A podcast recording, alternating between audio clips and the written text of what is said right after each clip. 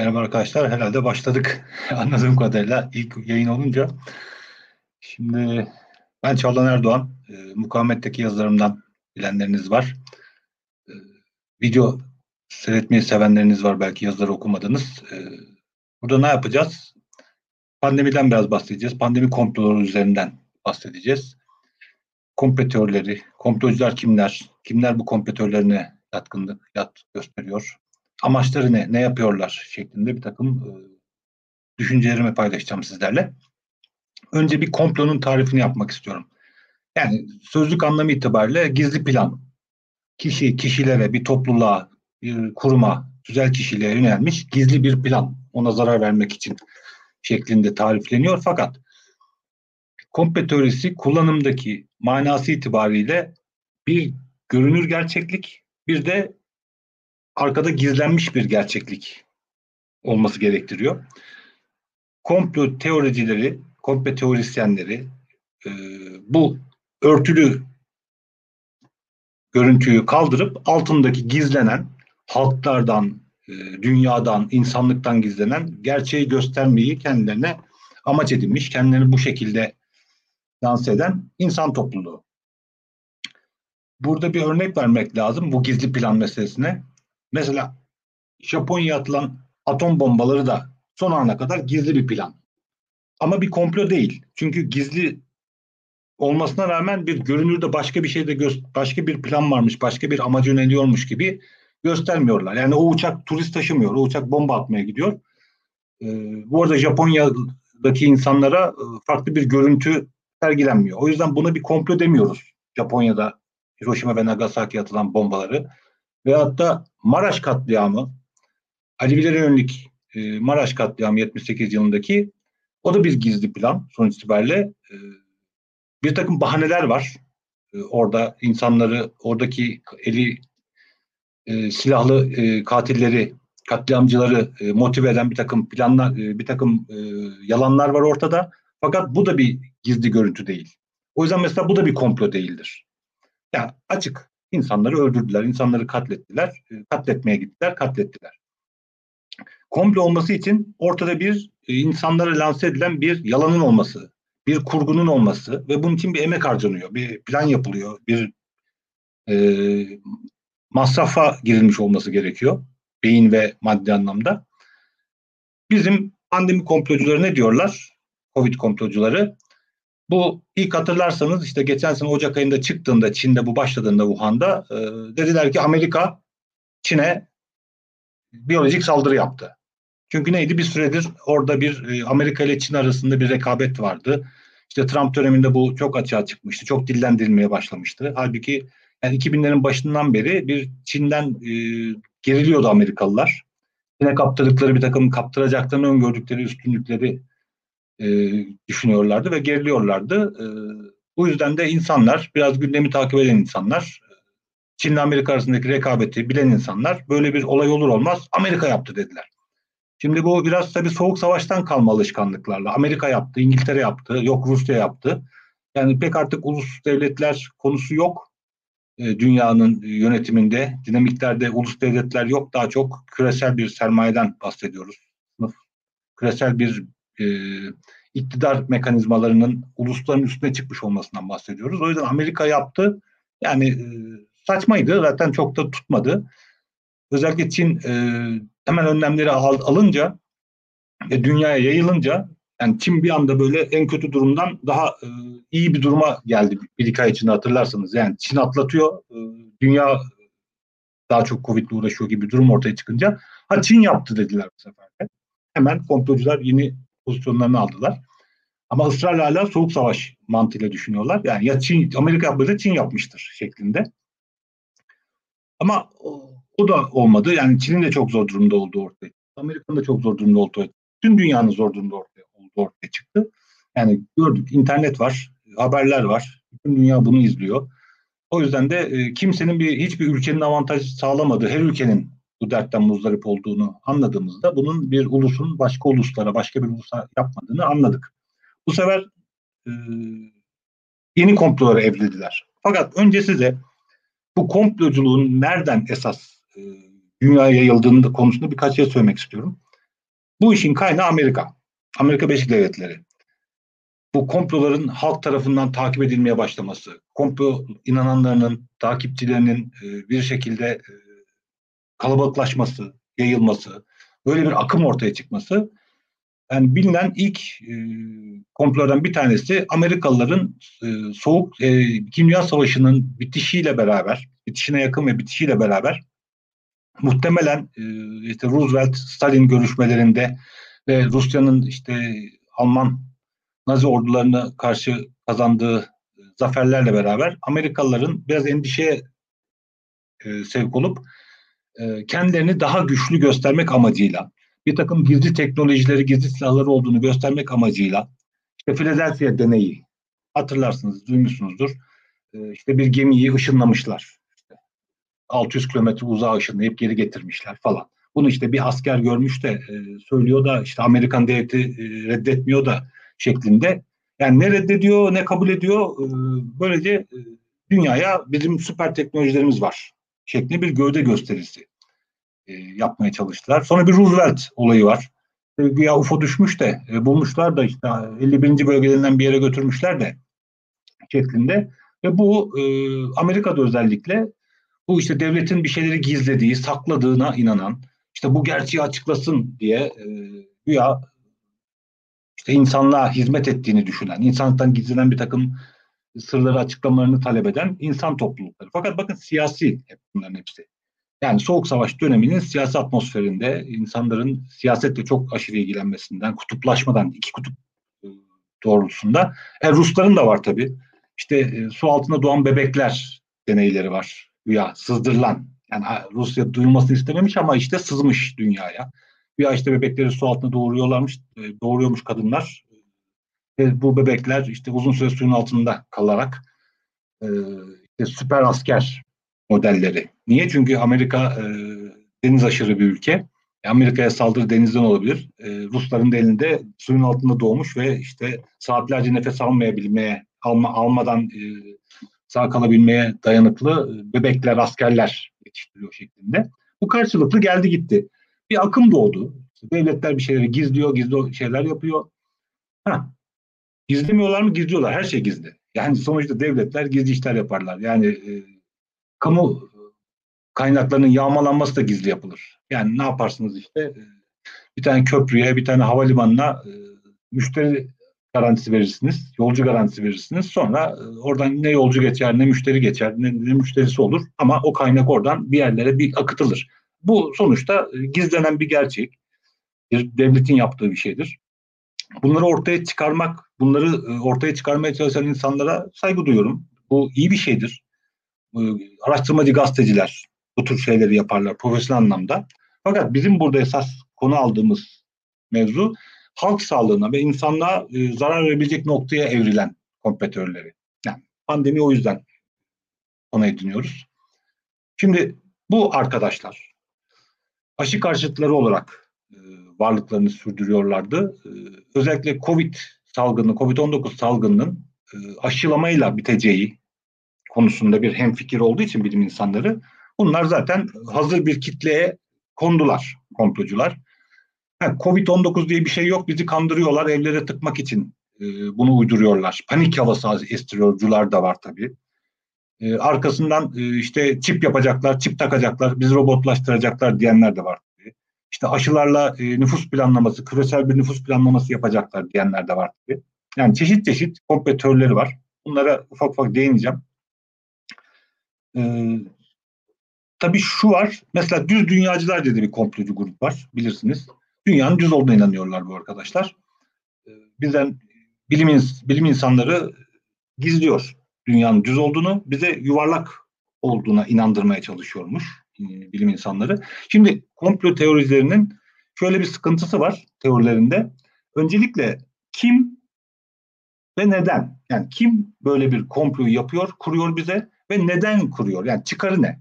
Şimdi niye dünyanın yuvarlak olduğuna bizi inandırmaya çalışıyorlar bilim insanları? Yani yüz binlerce bilim insanı e, organize olmuşlar. Bizi dünyanın düz olduğu, yuvarlak olduğuna inandırmaya çalışıyorlar. Halbuki dünya düz. Tabi burada e, bu düz dünyacı kategori yani biraz komedi bir kategori. E, doğrudan bir zararları da olduğunu düşünmüyorum. E, komedi unsuru olarak varlıklarını devam ettiriyorlar. Fakat salgın karşıtı, hastalık karşıtı, insan sağlığını ilgilendiren konulardaki komploların bize zararları var. Bunun en baştaki zararını hatırlayın.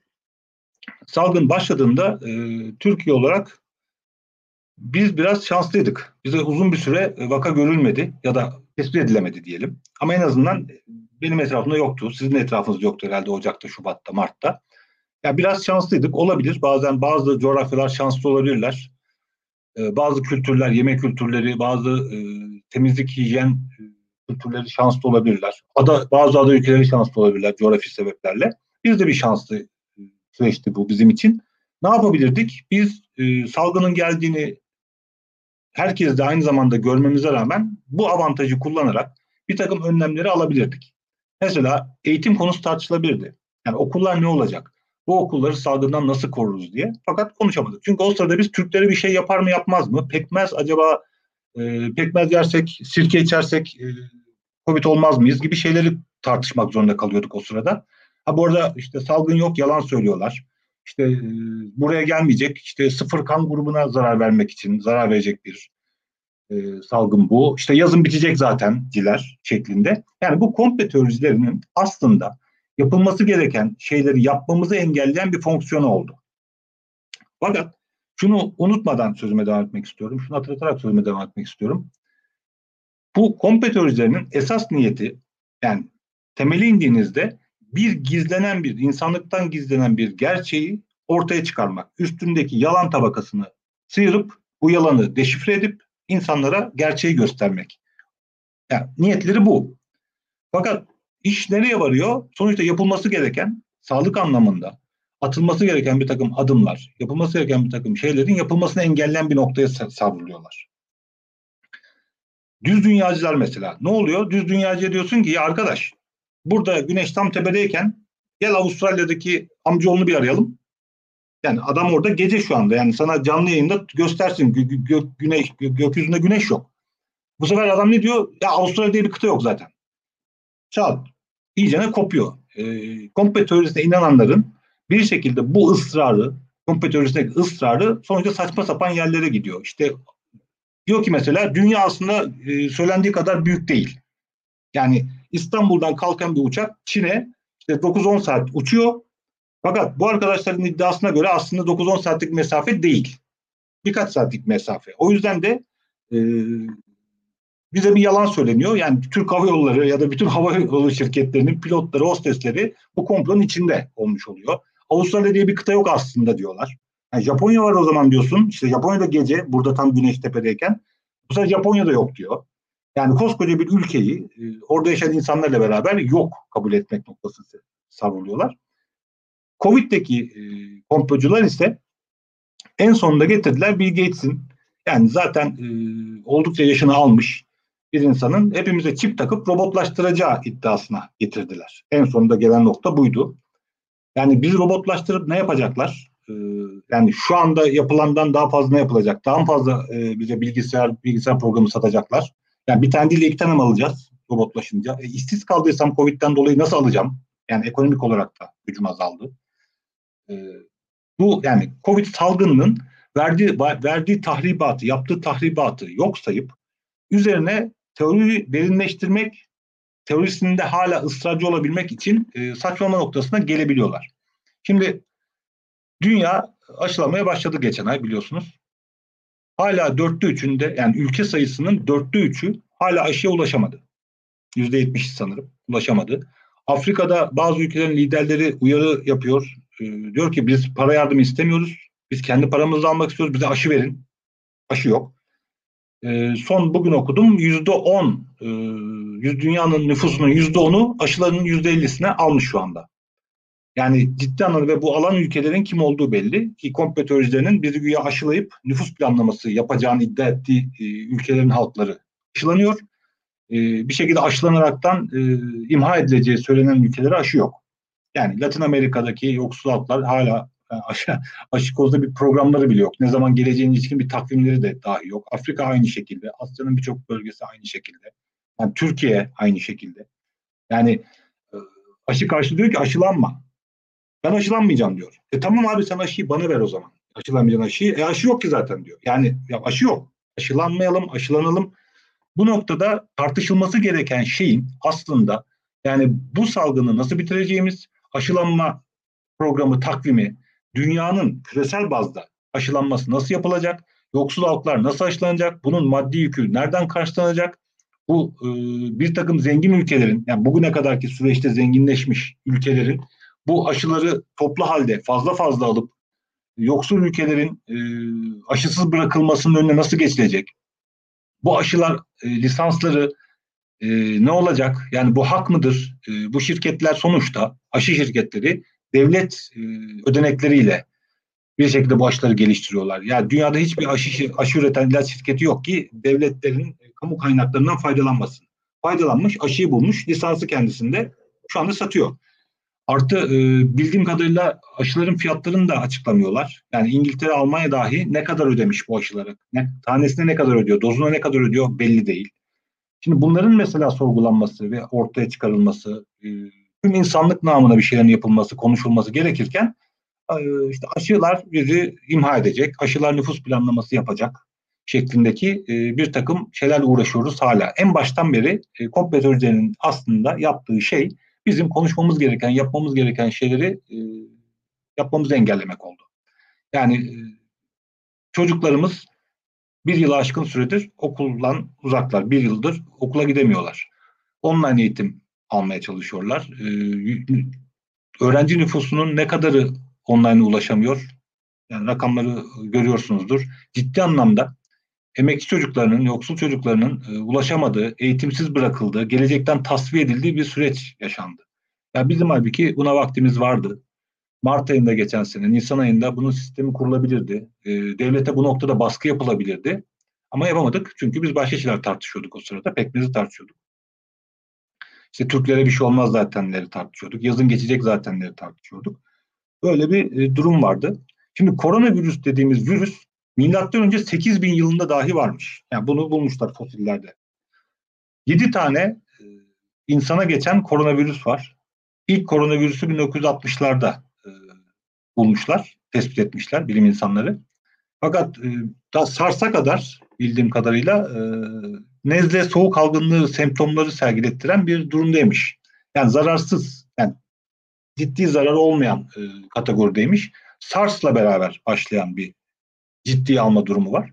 2003 yılı itibariyle. Ve dünyada birçok ülke bu konuda laboratuvarlar kurmuş. Araştırmalar başlatmış. Bütçeler ayırmış. Ya Wuhan da böyle bir durumda. Amerikalılar da işte Amerika'da da var. Almanya'da var. İtalya'da var. İngiltere'de var. Yani bir takım ülkeler buna bütçe ayırmışlar. Filmler de yapılmış bu konuda. Sonuçta Hollywood ya da işte e, dünyanın diğer sinema e, sektörleri, diğer ülkelerin sinema sektörleri e, konu arıyorlar. İlginç konu. E, insanları ekrana çekiyor, para kazandırıyor. E, bu yapılmış. Bizim komplocularımız da işte 2008-2009 yılında yapılmış bir virüs filmini vay işte e, filmini de yaptılar. Uyardılar. E, 2003'te SARS vardı zaten. Yani sen ilgilenmemişsin. Belki de yoktun o sırada. Dünyada ya da çocuktun. ilgilenmedin, duymadın diye. Tüm dünyada duymadı diye bir şey yok. İnsanlar e, bu konuya bütçe ayırdılar. Üniversitelere e, bölümler açtılar. Bir takım e, bilim insanlarını sırf bu virüsle, koronavirüsle ilgilenmek üzere görevlendirdiler. E, biz yapmadık Türkiye olarak. Aşısını da yapamıyoruz. Yani Çin'in yaptığı o eski tip aşıyı da yapamıyoruz. Hadi eksi 80 dereceli yeni tip nanoteknolojilerle yapamıyoruz ama bunu da yapamıyoruz. Şimdi bizim özellikle yani Türkiye'deki bu aşı karşıtları ve kompetörcüler neticede bu dünyadaki hazırlığı bir e, komplo olarak görüyor. Şimdi bu hazırlık komplo değil. Bu zaten yapılması gereken. Yani bu insanlar bir şekilde halklarını korumak için e, önlemlerini almışlar. Bunu alabilmek için de bir takım e, harcamalara girmişler. Bütçe ve kadro ayırmışlar. Bu noktada o yüzden de aşıyı da onlar yapıyor. Aşıyı da onlar buluyor. E, ama bizim savunmamız gereken şu olmalıydı. Biz e, sonuçta vergi veriyoruz. Bir devletimiz var. E, bu devletin Sağlık Bakanlığı var. Bir takım talimatlar veriyor, emirler veriyor, yasaklar koyuyor. Ve bu noktada e, bize bir an önce bu salgını bitirecek ve normal hayatımıza dönebileceğimiz ortamı sağlamakla da mükellef bunun karşılığında. Biz kurallara uyuyoruz, maske takıyoruz, e, işte sosyal mesafeyi koruyoruz, hafta sonları çıkamıyoruz, çıkmıyoruz, akşam 9'dan sonra çıkmıyoruz, kafeler, restoranlar her taraf kapandı. E, binlerce, on binlerce insan işsiz kaldı. E, o yüzden bekliyoruz ki bu aşılama bir an önce yapılsın ve normal hayatımıza dönelim. Ama e, aşı karşıtlarımız var. Bu aşının kötülük yapacağını bize iddia edenlerimiz var. Covid-19 salgının olmadığını, bunun gripten öte bir şey olmadığını, bizi panikletmek için büyüttüklerini söyleyenler var. Onca insan hayatını kaybetti. Bizim çevremizden de, benim çevremden de, sizlerin de çevrenizden insanlar hayatını kaybetti. E, fakat bu grip gibi bir şey dediler. Halbuki grip gibi olan SARS'a kadar olan. SARS'la beraber mutasyona uğramaya başlıyor bu. SARS'ın %10 küsurluk bir öldürme oranı var. MERS'in %40'lık bir öldürme oranı var. Bu daha yaygın ama öldürme oranı daha az ama sonuçta tehlikeli. Yani önlemler alındığı için, ciddi önlemler alındığı için ölüm oranımız az. Ve e, 65 yaş üstünü evlerde tuttuğumuz için, bir şekilde koruduğumuz için ölüm oranı az. Yoksa ciddi anlamda ölüm oranları da olabilirdi. Fakat komplo teorisyenlerimiz buna bir şekilde inanmadılar. İnanmamakta ısrar ediyorlar. Şimdi bu insanların e, kimler olduğu, yani komplo teorisine inanan insanların, bunu takip eden insanların, sosyal medyada e, bu konuda yazan, çizen insanların ve kafa karıştıran insanların kimler olduğu konusunda şöyle bir şey söyleyebiliriz. Bunlar çok muhafazakar kategori değiller. Ee, daha ziyade e, orta tabaka dediğimiz gelir seviyesi olarak biraz daha internet takip eden, televizyon seyreden, farklı kanalları seyreden insanlar olduğunu söyleyebiliriz. Bu da enteresan. Farklı kanaldan beslenebilecekleri halde, beslendikleri halde buna takılmış olmaları var. Ve e, ne istedikleri konusunda yani ne yapalım o zaman? Tamam aşı olmayalım, onu da olmayalım, bunu da yapmayalım, maske de takmayalım. Ne yapalım dediğimizde bir şekilde e, bu sürü bağışıklığı denilen şeye bizi yönlendirdikleri ortaya çıkıyor. Bunu dillendirmeseler de. Yani salgının daha da uzayacağı, salgı, salgın daha da uzatacak bir e, noktayı bize aslında önermiş oluyorlar. Yani güya bir gizli örtüyü kaldırıp alttaki gizlenmiş gerçeği, örtüyü kaldırıp gizlenmiş gerçeği bize e, söyleyeceğini iddia eden arkadaşlar sonuç itibariyle bize aslında sürü bağışıklığını önermiş oluyorlar. E, bunları dinlememiz durumunda e, yani bunların fikirlerinin yaygınlaşması durumunda karşımıza çıkacak şey hepimizin hastalanması, salgının bir türlü bitirilememesi, önünün alınamaması, işsizlerin işsiz sayısının artması ve işsiz sayısının artmasıyla beraber çalışan insanların e, sermaye sınıfının, neoliberalizmin e, çalışan insanlar üzerinde sosyal hak kısıtlamalarının, işte mesela maaş zamlarının gerçekleşmemesi, sosyal hakların kısıtlanması gibi e, bir takım baskı unsurlarını emekçiler aleyhine yapılacak bir takım uygulamaların kolaylaştığını e, göreceğiz bu durumda. Çünkü işsiz sayısı artacak. Şimdi e, galiba birkaç soru var. Onlara bakalım. İyi yayınlar diyorlar. Teşekkür ederim arkadaşlar.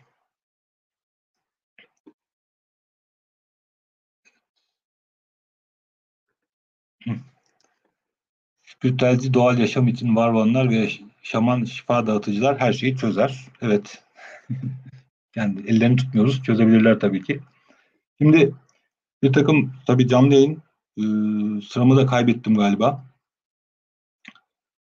Hemen bir notlarıma bakıyorum arkadaşlar. Heh, şimdi e, hatırlarsanız bir e, İtalyan doktor sanırım bir video e, yayınladı. Hangi uzmanlık alanını bilemiyorum hatırlamıyorum e, doktorun ama virüsler değildi onu hatırlıyorum. E, çünkü takip ettiğim bilim insanları e, Twitter'da yazmışlardı onun virüs uzmanı olmadığını. Bu e, Covid-19'un bu virüsün e, ciddi bir virüs olmadığı üzerine bir bayağı bir ciddi bir video doldurmuş. Yayınladı. Bu videoyu e, bir anda İspanyolca, Portekizce, Arapça, e, İtalyanca, Rusça bütün dillerde e, dünyada inandığını gördük. Yani ciddi bir örgütlülük ortada. Yani Covid yok, böyle bir salgın yok, bizi kandırıyorlar diyenlerin ciddi bir örgütlülüğünü gördük. Covid salgını karşısında e, insanları uyarmaya, insanları dikkatli olmaya, e, korumaya çalışan bilim insanlarımızınsa tek tek e, örgüsüz bir şekilde e, Twitter'da ya da işte diğer sosyal medya mecralarında insanları uyarmaya çalıştığını gördük. Yani e, komplo dediğimiz şeyin bir örgütlülük olduğunu varsayarsak yani e, hesaba katarsak komplo teorisi, komployu ortaya çıkarmaya çalışanların daha organize olduklarını, e, komployu kuranların ise organize olmadıklarını görüyoruz. Bu da e, komplonun doğasına aykırı bir şey. Neticede e, komplo teorisyenleri daha komplo kurmuş gibi bir durum ortaya çıktı. Şimdi hatırlarsanız e, komplo öncesinde 2019'da dünya gündeminde bir Endüstri 4 projesi, 4.0 Endüstri 4 projesi vardı. Yani neydi? E, uzaktan e, fabrikaların yönetilmesi, insanların, beyaz yakaların özellikle işte yazılımcıların e, bilgisayar başından makinaları, makine üreten makinaları, fabrikaları yönetmesi, ve makinaların da işte e, Asya'da, Afrika'da e, kurulması yani bacaların e, Avrupa'nın dışında e, tutması e, Avrupa'nınsa ya da işte Batı'nın, Amerika'nınsa daha e, çevreyi kirletmeyen, çevreyi hiç kirletmeyen ofisler üzerinden bir şekilde bu Endüstri 4 projesiyle e, sanayi üretimini devam ettirmesi projesi vardı. Onun dışında hatırlarsanız ya da e, uzun yıllar sürdü, duymuşsunuzdur mutlaka. Bu emeklilik yaşının yükseltilmesi, işte insan ömrü uzadı, emeklilik yaşı artırılsın. Emeklilik yaşının artırılması pratik olarak şudur. E, çalışan insan vergi verir, emekli insan e, maaş alır çalışmadan.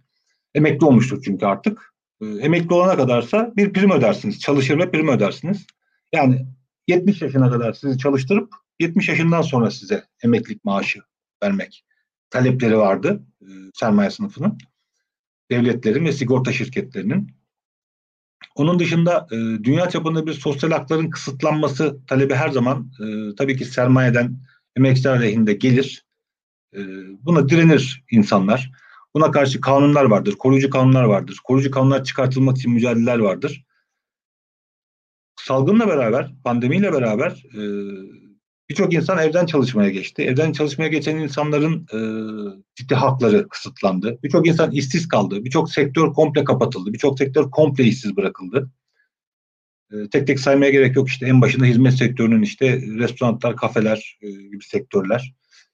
Bunlar işsiz bırakıldı. Onun dışında bir takım fabrikalarda 7 gün boyunca kapalı e, tutularak çalıştırılma görüldü. İşte e, mesai saatlerinin artırıldığı görüldü. Evde evden çalışmaya getirilenlerin yaz tatili zaten evden evde evden çalışıyorsunuz yaz tatiline gerek, gerek tatil hakkınız yok den, dendiğini e, duyduk. Böyle şeyler oldu. Yani neoliberalizm aslında yapmaya çalıştığı şeyi pandemiyle beraber pandemi sürecinde e, kolaylıkla yapar hale geldi. Bunu normalde 2019'a kadar, pandemiye 2019 sonuna kadar e, yapabilmesi için ciddi e, direnişle karşılaşacağını biliyordu. Denediği ülkelerde, neoliberalizmin uygulanmaya çalışıldığı ülkelerde e, emekçilerin sokağa, sokağa indiklerini de gördük. Ya da seçim yapılan ülkelerde, e, Burjuva demokrasinin çalıştığı sandık olan ülkelerde sandıkta bir takım cevaplar verildiğini gördük. Bunu uygulamaya çalışan hükümetlere. Fakat pandemiyle beraber bir şekilde e, sermayenin e, daha bir avantaj yakaladığını, planlarını, programlarını hayata geçirmekte zorlanmadığını, emekçiler aleyhinde bunu gördük. Görmeye de devam ediyoruz. O yüzden Covid salgınının bir an önce bitirilmesi emekçilerin ve insanlığın lehine. Ve bu noktada esas tartışılması gereken e, bir an önce nasıl kurtuluruz? Bir an önce nasıl bitiririz? Ve bu da bir aşılama kampanyası olacağı çok açık. Şimdi aşı karşıtları aşıların zararlı olduğunu söylüyorlar. Buna bilim insanlarımızın cevapları e, biliniyor. Yani birçok hastalığı yok ettik aşılamayla. E, bu da bu şekilde ancak yenilebilir. Covid'e karşı kazanacaksak bir geniş kapsamlı, bir yaygın, eşit, demokratik bir aşılama ile bunu aşabiliriz, geçebiliriz diyoruz. Fakat e, aşılama yapılabilmesi için bütün dünyanın bunun öncelikle bir takvime bağlanması. Yani üretimin e, kapasitesi belli. Yani Çin aşısı olsun, işte Alman aşısı olsun bunların hepsinin kapasitesi belli. Ne kadar üretilebileceği belli. E, bunların eşit bir şekilde dağıtılması, eşit bir takvime bağlanması Dünya Sağlık Örgütü'ne ya da işte Birleşmiş Milletler'e, e, devletlere yapılabilecek baskıyla mümkündü. Fakat e, bu baskıyı e, yapabilecek mekanizmaları kuramadık. İlk roundu kaybettik diyebiliriz.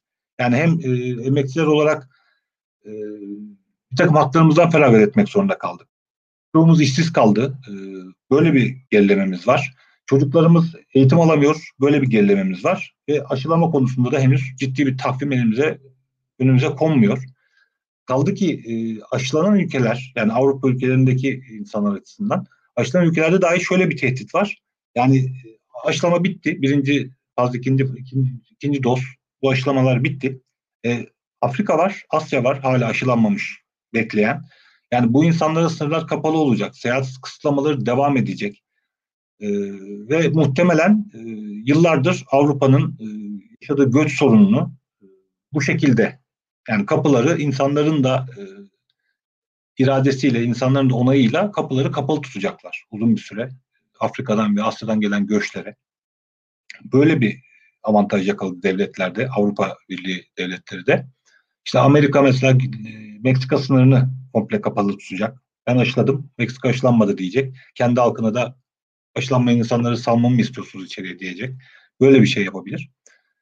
Ama e, neticede biz e, bu komple teorisyenlerinin komplolarını tartışarak, bunlara cevap yetiştirerek kaybettiğimiz, ilk başta kaybettiğimiz zaman ve böylece en azından eğitim konusunda okulların açık tutabilmesi için önlemler alınabilmesi konusunda kaybettiğimiz e, vakti ve şansı bu sefer kaybetmemek açısından aşılamanın e, adil, yaygın e, yapılabilmesi açısından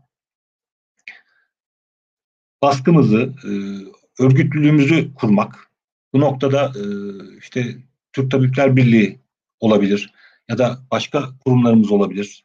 Bir şekilde e, bunu sağlayarak yapmamız gereken bu gözüküyor. Aşı karşılarıyla ya da e, COVID-19 diye bir salgın yokçularla cevap yetiştirmek yerine ben e, mukavemette birkaç yazı yazdım. E, bunlara e, cevap da vermeye çalıştım bu insanlara. Bu programı da yapıyoruz.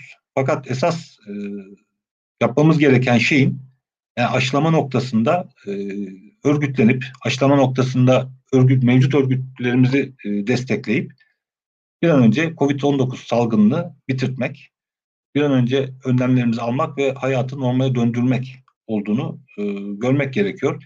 Çünkü pandemi devam ettiği sürece e, bir şekilde alışkanlıklarımızın değiştiği, bir, bir, biraz kanıksadığımız yani işsizlerin e, yarattığı baskıyla özellikle e, işçi sınıfında e, işte grev yapamazsınız, e, zam isteyemezsiniz e, şeklinde bir takım baskıların ve bunu bu baskıya da e, silah olarak sokaktaki işsiz ordusunu, işsiz kalan insanları göstereceği e, sermayenin, neoliberalizmin e, açık. E, bu sebeple şeyin e, bir an önce Covid-19'a karşı e, aşılama kampanyasının, aşıların getirilmesi, adil bir şekilde dağıtılması e, noktasında örgütlüğümüzü güçlendirmemiz gerekiyor. Biraz soru almam gerekiyor benim.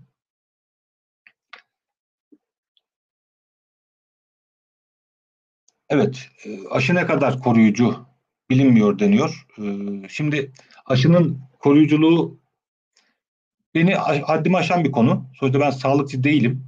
Fakat elimizde başka bir şeyimiz yok. Yani e, ilacımız yok, maskemiz var, bir de sosyal mesafemiz var şu anda.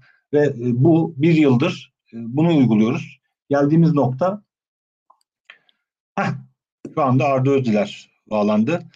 Akademisyen ve sağlık emekçisi Arda Özdiler. Kendisi 2003 yılındaki SARS salgınıyla beraber bu konulara e, ilgilenmeye başlamıştı. Bu konuda SARS, MERS konusunda ve özellikle sigorta sistemini, ilaç sistemini içeriden bilen bir arkadaşımız. Kendinize birkaç sorum olacak. Teşekkür ederim Arda, hoş geldin. Hoş bulduk. Bir beş dakikadır seni dinleyebiliyorum. Ben de online dersteydim, ancak katılabildim. Ee, merhabalar öncelikle Çağla. Merhabalar Arda. Yani senin için arda arda oldu ama e, maalesef böyle bir geldi.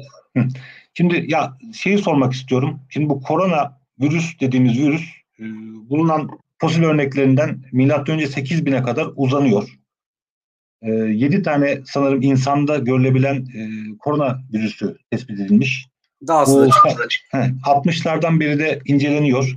Fakat ilk çıkan e, yanlışsam düzelt lütfen e, işte nezle e, soğuk algınlığı semptomları sergilettiriyormuş ki SARS'ta bir tek ilk defa ciddi anlamda bir öldürücü e, etken olarak karşımıza dinamik olarak karşımıza çıkmış ve insanlık bir anda Batı dünyası özellikle tıpta ve bilimde gelişmiş olan ülkeler bir anda bir paniklemişler. Hemen üniversiteler, e, fakülteler bu konuda uyarılmış, ayrılmış.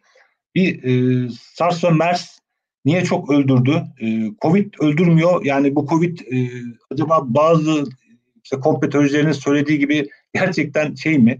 Yani grip benzeri bir şey mi? Yoksa e, nedir? Onu bir e, açıklarsan bize. Bir de sigorta sistemi, ilaç şirketleri bu e, Covid salgınında fayda mı gördüler, zarar mı gördüler? Tabii aşıya da değineceğim. Az önce o soru geldi sana. Ona soru da değineceğim. Ee, aşı ne kadar koruyucuyu yakaladım tam girdiğim anda. o konuya da net değinirim. Ben de bir boğazımı sesim. Şöyle bir şey bahsetmek gerekiyor. Koronavirüs ailesini geçtik. Hadi bu tanımlamaları geçtik. 1960'ta virüsleri ilk kez tanıyoruz. Yani e, bizim e, bu çağ atlamamız birazcık e, çünkü şöyle gireyim hatta konuya. Medikal yani sağlık bilimleri olarak geçen bilimler bir yandan doğa bilimlerine bağlıdır. Pozitif bilimdir. Bir yandan da ucu açık kısmı vardır. Biyoloji olduğu için her zaman aynı şeyi denemenizle her zaman aynı sonucu elde edemiyorsunuz. Ama bunun mekanizmalarını e, çözmeye odaklanıyoruz. E, koronavirüs ailesi çok eski bir aile. Koronavirüs ailesinin çok alt dalı da var bu arada. E, fakat e, SARS'la ilk patlaması ve bizi vurması bizim biraz da modern çağla beraber yaşadığımız bir hastalığın kökenini çok daha iyi incelememizden kaynaklanıyor. Belki de daha önceden koronavirüsün farklı bir suçu gene aldı götürdü. Ya insanı götürmedi başka bir memeliyi götürdü belki de ama o zamanları e, etkisel açıdan incele, inceleyemiyoruz.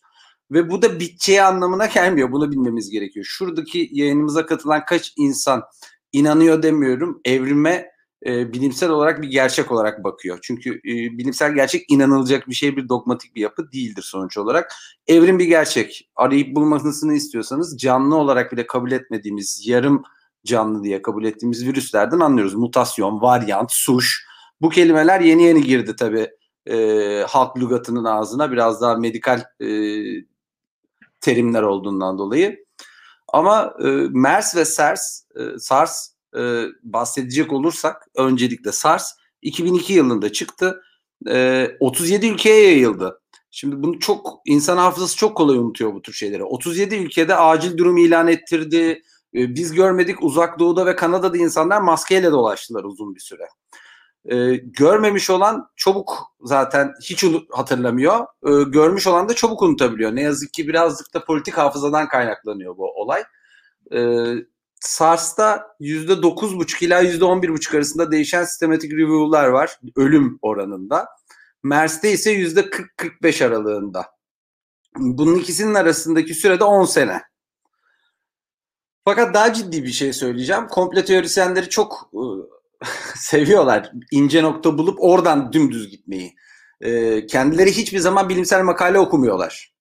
Birinci en büyük e, eksileri bu bilimsel makaleyle karşılığını verirsen de reddetmelerini de anlayamıyorum. Mesela ben şu anda bir örnek vereceğim size. Ee, isteyen her insan SGI Index'ten, ScienceDirect.com'dan veyahut da medikal bütün e, uluslararası atıfları bulabilecekleri PubMed, pubmed.com sitesine girdiği zaman bir DOI ID'si vereceğim. Yani bir çalışma e, numarası vereceğim. 10.1128. Bu kodu yazmaları yeterli. Karşılarına bir tane sistematik review çıkacak. Yani e, geriye dönük araştırma yapmış önemli bir çalışma, klinik mikrobiyoloji çalışması. 2007 yılında koronavirüs ailesiyle alakalı arkadaşlar SARS'da bitmedi bu iş. E, mutasyon geçirmeleri çok sık ve hızlı oluyor. Özellikle yarasalar üzerinde. Çünkü yarasalarla ilgili şunu anlatmam gerekiyor hızlıca. E, çok efor sarf eden hayvanlar. Aynen bizim e, maratoncularımız gibi. Uçabilmek için küçücük kanatlarıyla oradan oraya çok ciddi bir efor sarf ediyorlar. Çok fazla e, enerji sarf ediyorlar. Çok fazla meyve yiyorlar. Glikozla besleniyorlar. e, ve doğal olarak biliyorsunuz memeliler çok fazla glikoz tüketirse diyabetik oluyorlar. Bunlar diyabetik değiller. Vücutlarında serbest radikal denen aslında bizim e, kötü atık vücudumuzda kanser yapan atık dediğimiz atıklardan çok yoğun oranda bulunduruyorlar. E, ve bu ortamda koronavirüs de ayrı bir mutasyon geçirebiliyor. Çok fazla kimyasala maruz kaldığında. Uyarıyor bu çalışma. Bahsettiğim çalışma çok da önemli bir dergide yayınlanmış çalışma. 2007 yılında egzotik hayvanların yenmesinin sadece yenmesi de değil, e, ticaretinin yapılmasının, ülkelere getirip beslenmesinin, e, özel hayvanat bahçeleri kurulmasının bir saatli bomba olduğunu bas bas bağırarak SGI grubu bir dergide söylüyor bilim. Ama kimse bunu kale almıyor çünkü kimse okumuyor. Bilim bunu konuşuyor. Bilim buna göre bir cephe alıyor. Şu anda isteyen bu yayını indirebilir. Bu yayında bilimsel SGIA grubu dediğimiz en yüksek atıflı dergilerden birinden bir e, yayın verdiğim isim. Doğal olarak e, komple teorisyenleri bir şey üretmeyi seviyor ama bir gerçek var. MERS hemen akabinde geldi. 2007'de uyarılmıştı. E, Orta Doğu bölgesinde çıktı. Ne ilginç ki egzotik hayvanları evlerinin bahçesinde besleyen bir e, toplum yapısı Orta Doğu'da şu anda biliyorsunuz. Uyardıkları şey birebir çıktı. Yani bilim öngörüyle ilerliyor. Hata yaptıysa da hatasını sonradan tekrardan eleştiriyor niye yaptığını. Komple teorisyenlerinde ne yazık ki bu yok. Çünkü bir metodolojileri yok. Bilimsel oturtulmuş bir metodolojileri yok. MERS'te niye yayılmadı? Yüzde 40 öldürüyordu. Üstelik genç ve yaşlı bakmadan. Tutunabildiği yüzeyler çok daha fazlaydı. Ee, ve öldürmediği her MERS vakası hospitalize ediliyordu. Yani hepsi hastanelik oluyordu. Siz bir insanı inkubasyon süresi yani vücuttaki kendini artık çoğaltıp bulaştırabilir hale gelme ve vücudu da hasta etme süresi çok hızlı olan bir virüsü e, neden yayılmadı diye sorgularsanız bu abeste iştigaldir. Yani sizin zaten... Artı bir şey sormak istiyorum. Bu 2007'deki uyarıdan sonra Türkiye'de herhangi bir önlem, devletin herhangi bir kurumu, üniversitelerin Tabii. herhangi biri efendim? Katiyen. Hiç mi yani hiç mi bizi e, ya biz de bir şey yapalım. Birkaç akademisyenin yurt dışına gönderildiğini biliyorum sadece. O kadar değil mi? Başka hiçbir şey yapmadık yani. Yok. Zaten yurt dışına gönderilirken şöyle bir şey oluyor. Ben de yurt dışında çalışmış biri olarak söyleyeyim size. Siz o dönem e, tarama yapıyorsunuz. Hangi konuya yöneldi yurt dışı? Yurt dışında ne tür çalışmalar yapılıyor? Bunu belirliyorsunuz ve siz de yeni bir e, daha önce çalışılmamış bir kısmına bakmak istiyorsunuz bunun. Bu projeyle yurt dışına başvuruyorsunuz. Yurt dışı diyor ki ben bu kişiyi alıyorum, bu konuda çalıştıracağım. Devlet sana öyle burs veriyor. Zaten bizim devletin politikası değil. Biz kendimiz buluyoruz. Doktora çalışmalarımızı, e, yapacağımız e, bilimsel makalelerimizi veyahut da klinik çalışmalarımızı bu şekilde işte var Hollanda ile ortaklaşa var, Almanya ile var. Gidip oralarda bu çalışmaları yapıyoruz. Burada devletin en ufak bir teşviği yok. Yine size kalıyor yük. Hatta o, o dönem çalıştığınız sizden bir üst akademik seviyedeki sizin gitmenize ön ayak olacak e, doçent ya da profesör siz o dönem yardımcı doçentsinizdir. E, ön ayak olurken evet bu konuyla senin bir görüşmelerini konuşmalarını yapalım diye olacak. Bizim ülkeden çıkan bir fikir katiyen yoktu. Peki bu aşıların lisans meselesi var ya. Evet. Eğer ki Dünya Sağlık Örgütü Birleşmiş Milletler bastırıp da bu aşıların her yerde üretilebilmesine izin koparırsa, evet. bu lisans kaldırılırsa biz hı hı. Türkiye'de üretebilir miyiz şu an teknolojimizde bu aş- aşıları? Yani getirmemiz lazım. Hem para yok devlette hem e, şeyin üretim kapasiteleri düşük. E, alacağımız ülkelerin para olsa bile ya Türkiye'de evet. e, buyurun formülü bu deseler üretebilir miyiz bu aşıyı Türkiye'de? Üretilebilir. Şöyle söyleyeyim. Türkiye'de Çerkezköy'de, Tekirdağ'da e, Pfizer'ın ortaklığıyla kurulmuş bir hayvan aşı merkezimiz var. Üretim merkezi. Önemli olan sıkıntı şu şurada. Yani e, zaten aşı, aşı şirketleri çok fazla piyasada bilinmiyor ama e, bir bitmiş aşı satar, iki ara ürün satar. Yani siz bir aşının ara ürünlerini alıp kendi üretim tesisinizde de üretebilirsiniz. Onu alırken doğal olarak patentini de bir kısmını e, fiyatının içerisine sokarak satıyor ara ürünlerinde. Yani ilacın 3 ana etken maddesini ve bir adjuvan dediğimiz yan maddesini diyorsunuz ki siz iki ana, ana ham madde bende yok. Ben sadece bunu istiyorum. Geri kalanı var birleştireceğim. O iki ana ham maddeyi size patentli gibi satıyor. Ama bastırırsa Birleşmiş Milletler tabii ki de bu patent olayını ortadan kaldırabilir. Niye kaldırmasın? Ama bu da bir uluslararası hukuk krizine sebep olacaktır. Bu da toplumsal reflekslerle olacak. Yani ne yazık ki bastırmadan hiçbir halk alınmıyor, hak alınmıyor. Yani hiçbir e, cefa çekmeden elde edilmiyor. Dünyada kafanıza vuruyorlar bu konuda. Bugün e, ya dün okudum sanırım. E, Arjantin'de muhalefet, e, sol muhalefet devlete üret bu aşıyı burada. Hukuku tanıma, e, üret e, arkandayız. Bir halk olarak e, yumruk oluruz gerekirse dedi mesela. Yani Arjantin hükümete yap diyor bunu. Üret bunu diyor. Tanıma diyor. Sonuçlarına hep beraber katlanırız. Aşı daha önemli dedi mesela. Yani Hı-hı. mesela bu mümkün mü? Yani aşı geldi satın aldım bir miktarını. Sonra dedin ki yapıyorum arkadaş ve bu aşı üretebilir misin yoksa sana özel formüllerle verilmesi mi lazım? Yani Muhakkak. başlatabilir misin kendi kendine mesela? Şimdi hem biyolojik e, hem enzimatik hem kimyasal süreçleri var. E, şöyle söyleyeyim mesela Çin mRNA teknolojisine sahip değildi. Çok yüklü miktarda mRNA teknolojisini üretebileceği cihazları da aldı ve aşı da sipariş verdi. E, üretme yoluna doğru gidecek. ama çat diye bir anda yapamazsın. Ne yazık ki yapamazsın. Çünkü mRNA aslında bizim klasik bildiğimiz bir aşı cinsi değil mRNA neydi bunu bilmesi gerekiyor insanların. Normalde koronavirüsle uğraşmıyordu mRNA ile uğraşan insanlar. E, hepimizin ailelerinde, çevrede şu anda e, sapır sapır artmış durumda olan bazı hastalıklar var. Biz bunları otoimmün hastalıklar diyoruz. Yani bağışıklık sisteminin kendi kendine saldırdığı hastalıklar. İsim vereceğim MS hastalığı. Çok sık duymuşsunuzdur. İsim vereceğim romatoid artrit. İsim vereceğim ankilozan spondilit. İsim vereceğim arterit. Ee, bunun gibi giden vücudun kendi kendine saldırdığı ve nedeni bulunamayan yani immün sisteminizin, bağışıklık sisteminizin kafayı yemesi diye amiyane tabirle anlatabiliriz. Kendi vücuduna saldırmasını engellemek amaçlı e, immün sistemi kodlamaya dayalı bir sistem. Yani immün sistemi öğretiyorsunuz. Bunu ya değil buna gideceksin diye. Ve klinik çalışmaları devam eden bir sistemdi. E, fakat ne yazık ki bir pandemi geldi ve e, daha ne dünyada eksi 80 derecelik dolaplar hazırdı bunların yayılabilmesi, dağıtılabilmesi, saklanabilmesi için bunun altyapısı hazır değilken e, biz bunu bir, bir de koronavirüste deneyelim dediler ve çok iyi sonuç verdi. Doğal olarak e, bu teknoloji şu anda çok kısıtlı bilinen bir teknoloji. Netekim üretim bantlarını bile yetiştiremiyorlar. Ama en güzel yanı da çok kolay bir şekilde e, üzerinde değişiklik yapılabiliyor e, diyorlar ya işte bir Güney Afrika varyantına şimdiki Bristol varyantına 3 ay içinde hazır oluruz diye. Ama sen daha ilk varyant için bütün dünyaya hazır değildin. E, doğal olarak şu anda Apple gibi davranıyorlar. Yani bunda hem fikrim ne yazık ki ben aldım mRNA yapacağım diyemeyiz ama inaktif aşıları ve vektör aşıları hızlıca kopyalayabilecek e, sistematiğe sahip birçok büyük ülke. E, bizim ülkede isterse yapabilir. Mesela ben, ben Türkiye'de şu anda yerli milli diye söylenen aşıların birçoğunun zaten e, kopya olduğunu biliyorum. Aslında kopyalanacaklar. Bir e, soru var. Serkan Ersöz'den gelmiş. 1 Mart'ta ilk ve ortaokulların geçen sefer tutmayan sistemle haftada iki gün yüz yüze diğer günler yine online olacak şekilde açılacak olması hakkında fikirlerimizi sormuş. Yani şunu şöyle çevirebiliriz bu soruyu.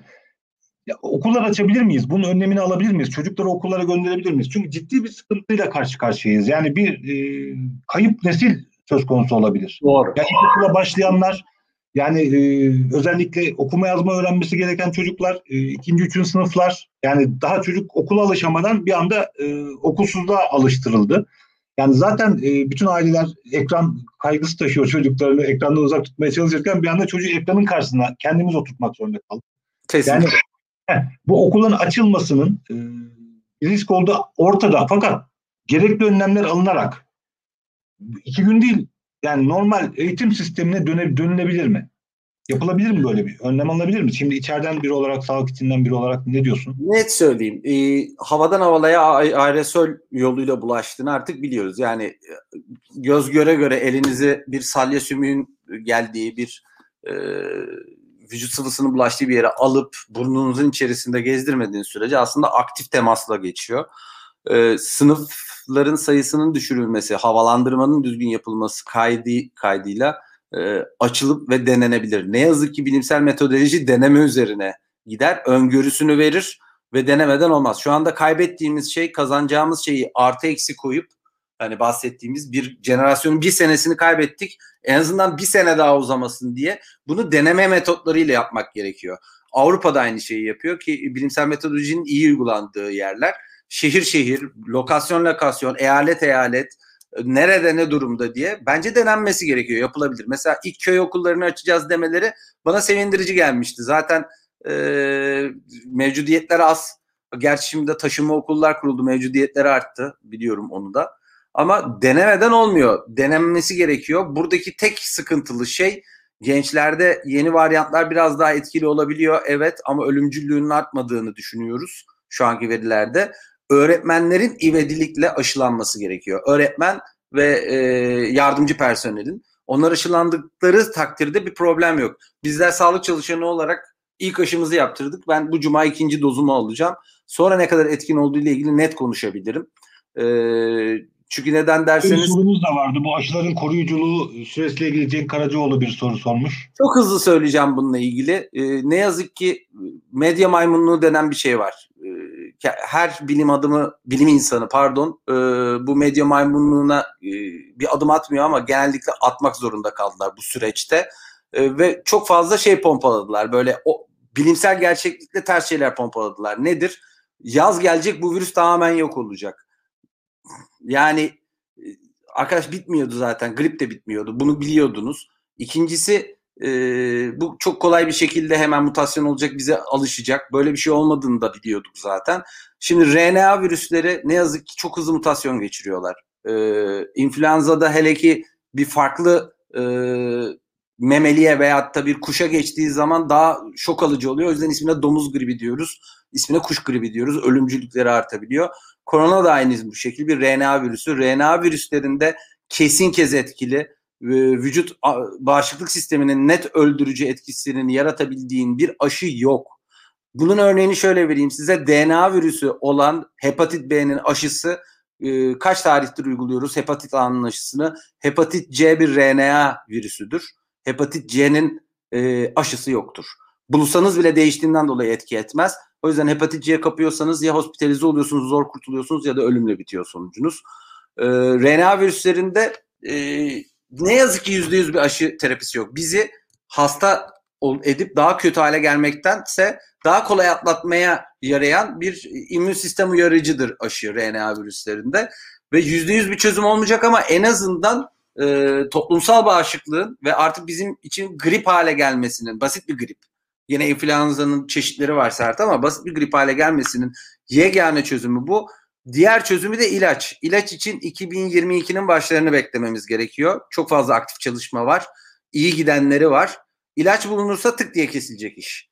Aşıda ise toplumsal bağışıklığı kurabilecek kadar sıklıkta ve her varyant geldiğinde ona da uygun olanını uygulamak zorundayız. Arda Suna Aslan'ın e, sorusu var birkaç tane. Bunlardan e, anladığım e, TTB ile e, DSÖ'nün gücünü soruyor. Yani DSÖ bu baskın yapabilir miydi patentler, lisanslar konusunda? E, Türk Tabipler Birliği de e, Türkiye'deki özellikle aşılama konusunda iyi aşının getirilmesi, daha garantili aşının getirilmesi noktasında e, gücü nedir şeklinde Eski böyle bir yok odaların. Odaların eski hiçbir gücü yok ne yazık ki. Ee, ve tutuklanma pahasına her türlü açıklamayı yaptık. Yani bu bir gerçek görmüşsünüzdür. Yani bakanla görüşmek isteyip bastırıp e, hakkında soruşturmalar açılan nice insanlar oldu içimizde. E, fakat TTB'nin konuştuğu zaman e, yayınlayan bir yayın organı bile yok. Doğru düzgün gene bildiğimiz yayın organlarında sadece çıkıyor. E, açıklamalar yapıldı, basın açıklamaları yapıldı daha fazlası ne yazık ki imkansız ülkede şu anda.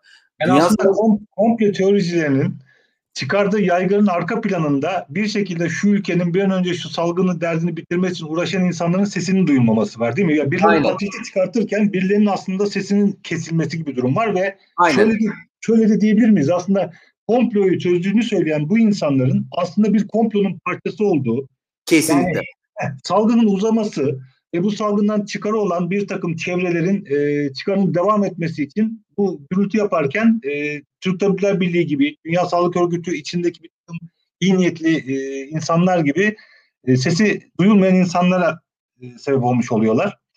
Yani böyle bir şey var değil mi sonuçta? Kesinlikle. E, buna ortak olanlar da zaten medya maymunluğunda onları tercih ediyorlar. Son dönemde bütün komplocuları ben hem YouTube kanallarında hem ana akım medyada e, hep bir yerlere çıkarken görüyorum ama TTB'den birini çıkartmak e, sağlam bu konuda konuşacak, gerçek bilimsel gerçekleri paylaşacak, konuşacak ve birazcık izlendim diye hemen e, saçma sapan popüler laflara geçmeyecek insanları çıkaran yok. Çünkü gerçekler acı. e, ve komplonun parçası olan bizler değiliz. Komplo teorisyenlerinin ta kendileri yani. E, Defne arkadaştan bir e, mesaj var. Çocukların hijyen dikkatinin düşük olmasından dolayı e, bunun risk riskinin yüksek olduğu. Yani çocuğu tamam okulda bir şekilde e, önlem aldık ama bu çocuk hastalanıp eve getirebilir ve evde işte yaşlı insanlar olabilir. E, evde yani bu bunu bunu mümkün mü? Yani çocukları e, bir şekilde hastalanmadan e, getirmek. Yani bu de, devletin alabileceği bir önlem midir? Yani çok mu aşırı bir bütçe gerekiyor bu için? Yani Türkiye Cumhuriyeti Devleti'nin karşılayamayacağı kadar mı büyük bir bütçe gerekiyor? Ya da bu pratikte mümkün mü değil zaten? Yani sen yani, ne diyorsun? Şöyle bir şey söyleyeyim. Ee, bizim devletin karşılayabileceği bir bütçe değil. Bundan eminim ben yani. Neden derseniz temizlik ürünlerini bile ne kadar okullara verebildiği gerçekliğiyle bir e, karşılaşmamız gerekiyor. Sabun bile veremiyorlar. Yarında götürüyor birçok öğrenci. Bitiyor. E, fakat şöyle de bir şey var. Viral yük dediğimiz bir konu var. Gençlerde virüs alınsa dahi tutunacak yüzeyi bulamadığı için tekrardan ya sindirim kanalıyla yutulabiliyor veyahut da dışarıya gidebiliyor ama viral yük miktarı az. Bulaştırıcılık imkanları çok fazla çünkü çok fazla yüzeye temas ediyorlar. Çok fazla kişiyle bizim bizim koruyamadığımız, bizim koruduğumuz kadar şeyi koruyamıyorlar sosyal mesafeyi. Çünkü çocuklar zaten öyle olması bekleniyor. Ama e, taşıyıcılık konusunda şu anki gösteriler e, emin olun bizim daha fazla taşıdığımız. Yük açısından. Çünkü bizim en önemli kriterlerimizden biri virüs yükü. Ne kadar virüse maruz kaldığınız. Sizi bir adet koronavirüs vücudunuza geldiği zaman hasta edip sonradan bulaştırıcı haline getirmez zaten. Bizim vücudumuzun iç yapısı da dış yapısı da virüslere karşı çok iyi self defense mekanizm dediğimiz kendi kendini koruyan mekanizmalara sahip. Sümüğünden tutun balgamına kadar. Yani derinine daha fazla girmeyeceğim. Bunların hepsi atmaya yarıyor. Zaten tutunmasını engelliyor. E, fakat çocuklarda zaten tutunabileceği e, reseptörler çok az olduğu için hiç tutunamıyorlar. Tutunabileceği yeni varyantlar çıkıyor şu anda. Öngörüler o. O konuda tehlike arz edebilir ama ben şu ana kadarki bilgilerde çocukları engelleyemeyiz. Ee, ancak Japonya'nın aldığı kadar her çocuğa böyle e, camekan kafeste derste e, o, oyun sıralarından sonra işte iyi bir şekilde dezenfeksiyon, çocuklara günde üç defa temizlik eğitimi gibi şeyler yapılması gerekiyor tabii. Ama e, yeni varyantta başımıza bela açabileceği öngörülüyor da şu anda. Onu da söyleyebilirim. Çocuklarda da daha ciddi hastalık yapması. E, mutasyona uğramış virüs e, bu noktada çocukların bulaştırıcılığını artırıp artırma ihtimali var. Arttırıyor.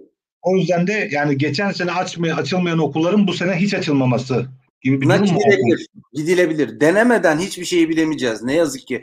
Çünkü şunu yapıyoruz. Yeni varyantı alıyoruz hastalık geçirmiş bir insanın kanındaki antikorlara bırakıyoruz. Antikorlar onu tanıyıp denatüre ediyor mu? Hapsediyor mu? içine alıyor mu? Tanımıyor mu? Sonra genç e, dokularda ne durumda? Nereye kadar gelmiş? Bunların hepsi in vitro ve in situ yani insan dışında ama insan dokularıyla yapılmış çalışmalarla öngörüler. Tam tersi de olabilir. E, fakat öngörüye kadar göre konuşacaksak da bilimsel metodoloji şunu diyor. Önce parça parça vakanın az olduğu yerlerde dene. Aç okulları. E, okullarda çok sık test yap. Öyle e, hocalardan biri sadece hospitalize edilince hastaneye gidince test yapalım gibi saçma sapan laflara girme. İkincisi şu anda en ciddi tartışmamız gereken konu mutasyonlu virüsü eski PCR testlerimiz tanımıyor. Zaten %40 ile 60 arasında tanıyordu. Yeni mutasyonu hiç tanımıyor. Spike proteini değişmiş olan bu Güney Afrika'yı. Ankara'ya gidiyor tanıması için örnekler. Ankara'ya gitmesi için de hastadan çok şüphelenmemiz gerekiyor. Bu hasta biraz daha ciddi hasta. Bu hasta daha fazla kişiye bulaştırmış gibi. Ee, bu konulara eğilmemiz lazım asıl şu anda bizim.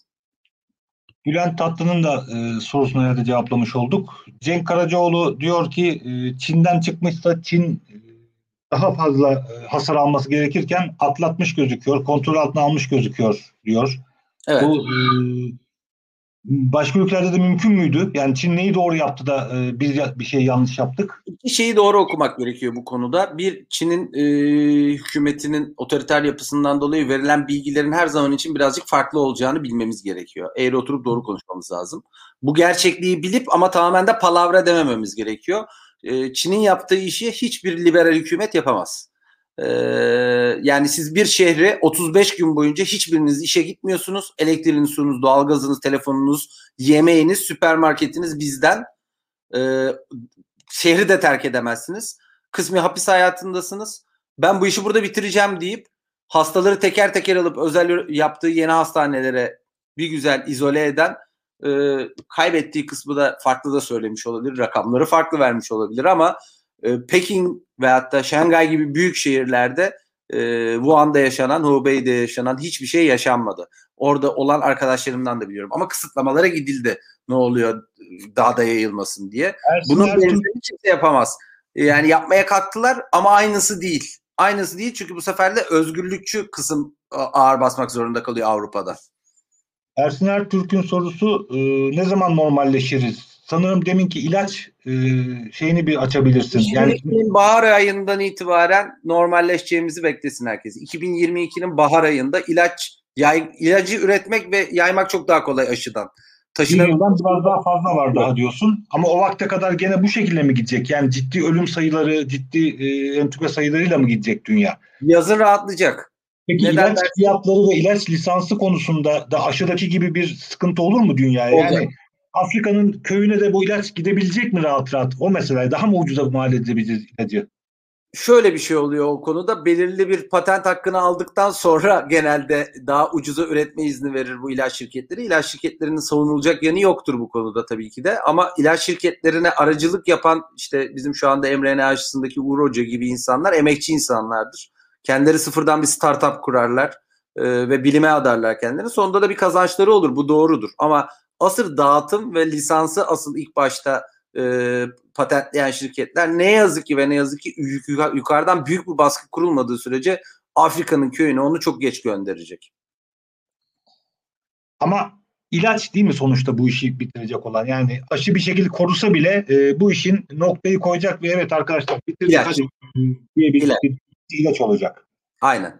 Peki yani, ilaç konusunda ne tür komplolar bekliyoruz? Yani aşıdan bizi çipleyemediler. Acaba e, ilaçla ne yapacaklar yani? İlaçta neler çıkacak için merak ediyorum. Çok merak ediyorum. Gerçekten sabırsızlıkla bekliyorum sıradaki chapter'ı yani. Bir sonraki ya, episodu.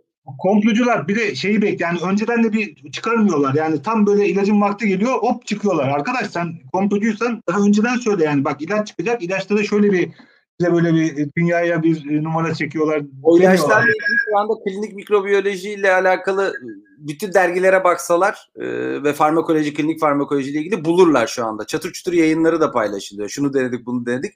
Şu anda okuma zahmetine düşmedikleri gibi çıktığı zaman da okuma zahmetine Peki SARS ve MERS e, bitirilirken bir ilaç var mıydı? Yani SARS ve MERS'in bitmesi nasıl oldu? E, şöyle söyleyeyim. E, MERS zaten insanları öldürerek bitti. E, yayılamadı yani girdiği hastaların hepsi yani bir insan hasta olursa virüs kaparsa hasta oldu diyoruz. Öyle vaka ve şey ayrımı yapmıyorum. Hasta ayrımı yapmıyorum. Vaka hastadır. Bu kadar basit virüsü taşıyorsan. Ee, ve bu virüs değdiği her insanı hospitalize ediyorsa, hastanelik ediyorsa bulaş, toplumsal bulaş riskin yok demektir. Evet, yani Covid'de kaptım diyelim da 3-4 gün fark etmiyorum ve yaymaya devam ediyorum. Mercedes'e yakalandığımda çat diye e, ya Üçüncü gün hastanedesin ya da ölüyorsun. yani 40 küsur civarında öldürmüş e, bulaştığı herkesi. Evet. O yüzden yapamadı yani. Her iki kişiden biri öldü. Diğer diğer kişi de hastanede yaklaşık 30 gün 40 gün kaldı belki de. Hastalığı tam geçtiği zaman tekrardan salındı. Ee, SARS'ta ise 37 ülkeye yayıldı. Onda da %10'du ama asemptomatiklik neredeyse yok denilecek kadar azdı. Şu anki Covid'deki en başımıza bela kısım asemptomatik taşıyıcılar. Yani belli adam farkında değil. Geziyor, işe gidiyor, evine Hiçbir gidiyor. Hiçbir şey hissetmiyor. Aynen öyle. Bulaştırıyor, toplaşıma da bulaştırıyor. Ve süper bulaştırıcılığı olanlar var. Yani e, çok ciddi viral yük var. Vücudu hiçbir tepki göstermiyor. Ters tepki göstermiyor çünkü bir e, sistematiği var. Şanslı, genetik şanslı. Ama çok fazla da yayıyor süper bulaştırıcı. Netekim benim bir hastam var. 67 gün boyunca e, Covid pozitifti. 67 gün. 67 gün süper bulaştırıcı ve kendisi e, bir kadın hasta e, 69 yaşında. Şu anda ne durumda? Kocasını öldürdü. Gülmeyelim tabii de. Arda çok yani, teşekkür ediyorum. Yok. Çok teşekkür ediyorum. Ee, son bir söylemek istediğim bir şey varsa seyircilerimize e, birçok soruyu cevaplayamadık ama herhalde genel konuşma içinden e, cevap verdiğimi düşünüyorum. Verdiğimizi düşünüyorum Arda'nın da. E, kusura bakmasınlar. olarak ilaç ilgili bir şey söylüyorum ve bitiriyoruz. Aynen. E, ilaçtan daha çok medikal şirketler daha çok kar ettiler. Birazcık hani piyasada herkesin basit kullandığı bazı ürünlerden bile çıkarılabilir. Sigorta şirketleri de aynı cukkayı götürdüler. E, ilaç şirketlerinin yanında medikal şirket niye dedim? 14 TL olan non steril dezenfeksiyonla sadece üretilmiş olan muayene eldiveni dediğimiz herkesin de yemek yerken kullandığı şu anda 126 lira. Yüzde bin artış var fiyatında ve kimse nasıl oldu diye sorgulatamıyor bile. Ee, Birçok medikal üründe bu var. Bir yandan da devletler ödemiyor. Ee, özeller satın alıyor sadece. Halk satın alıyor. Doğal olarak komplocular birazcık buralara yönelirse eldivende ne tür komplolar dönüyor çok sevineceğim yani. Çok teşekkür ediyoruz Arda. Arkadaşlar dinlediniz. Teşekkür ederiz. İlk yayında heyecandı. Birçok şey unutuldu. Notlarıma bile bakmayı unuttum falan. Arkada biraz e, gecikince yalnız kaldım çok. Bu arada birçok arkadaşın sorusunu cevaplayamadım. E, kusura bakmayın çünkü sisteme alışık değilim. Yani acemilikle alakalı. Arda arda geldi bir de e, tebrikler, başarılar mesajları var. Keşke bunları atmasanız çünkü bu başarılar mesajları yüzünden ben soruları göremiyorum. Oraya bakarken da aslına bakarsanız bu iş biraz e, birkaç kişiyle beraber yapılırsa daha iyi olacak. Bir dahaki programa öyle bir şey yapalım. Çünkü tek kalınca buraya bakamıyorum, oraya bakamıyorum. Rejiden telefonuma mesaj gelmiş. Hatta aramışlar rejiden. E, Arda'nın hazır olduğunu onu da göremedim. Çünkü tek başıma yapmaya çalışıyorum. Birkaç kişi olunca Arda gelince rahatladım, bakabildim falan. Bir dahaki Ben sefere- yerine kırptım iki defa. Gördüler mi bilmiyorum. Çok teşekkür ediyoruz herkese. E, iyi akşamlar diyoruz. İyi akşamlar. görüşmek üzere. Evet.